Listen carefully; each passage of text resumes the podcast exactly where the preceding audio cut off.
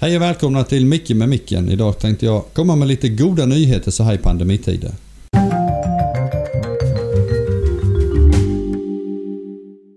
Det är faktiskt så att vi har flera goda nyheter. Dels är det så att när det gäller smittspridningen så går ju allting åt rätt håll, det har ni säkert hört.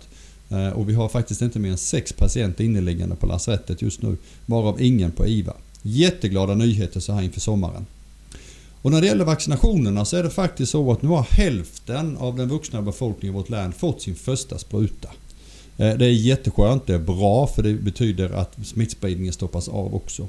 Och det är hela 30% som har fått bägge doserna till och med. Eh, nu gäller det att vi fortsätter att hålla i och håller ut och fortsätter vaccinera oss. Det är viktigt att ni går och vaccinerar er. Ni som inte har fått, boka tiden nu även om det är sommar och ni vill gå på semester.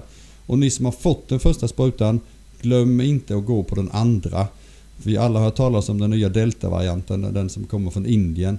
Och den, har, eh, den kräver att man har bägge sprutorna för att få ett bra skydd. Så att det är jätteviktigt att ni går och får er andra spruta nu.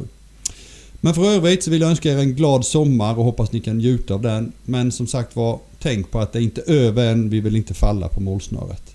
Men ha det så gott i det fina vädret.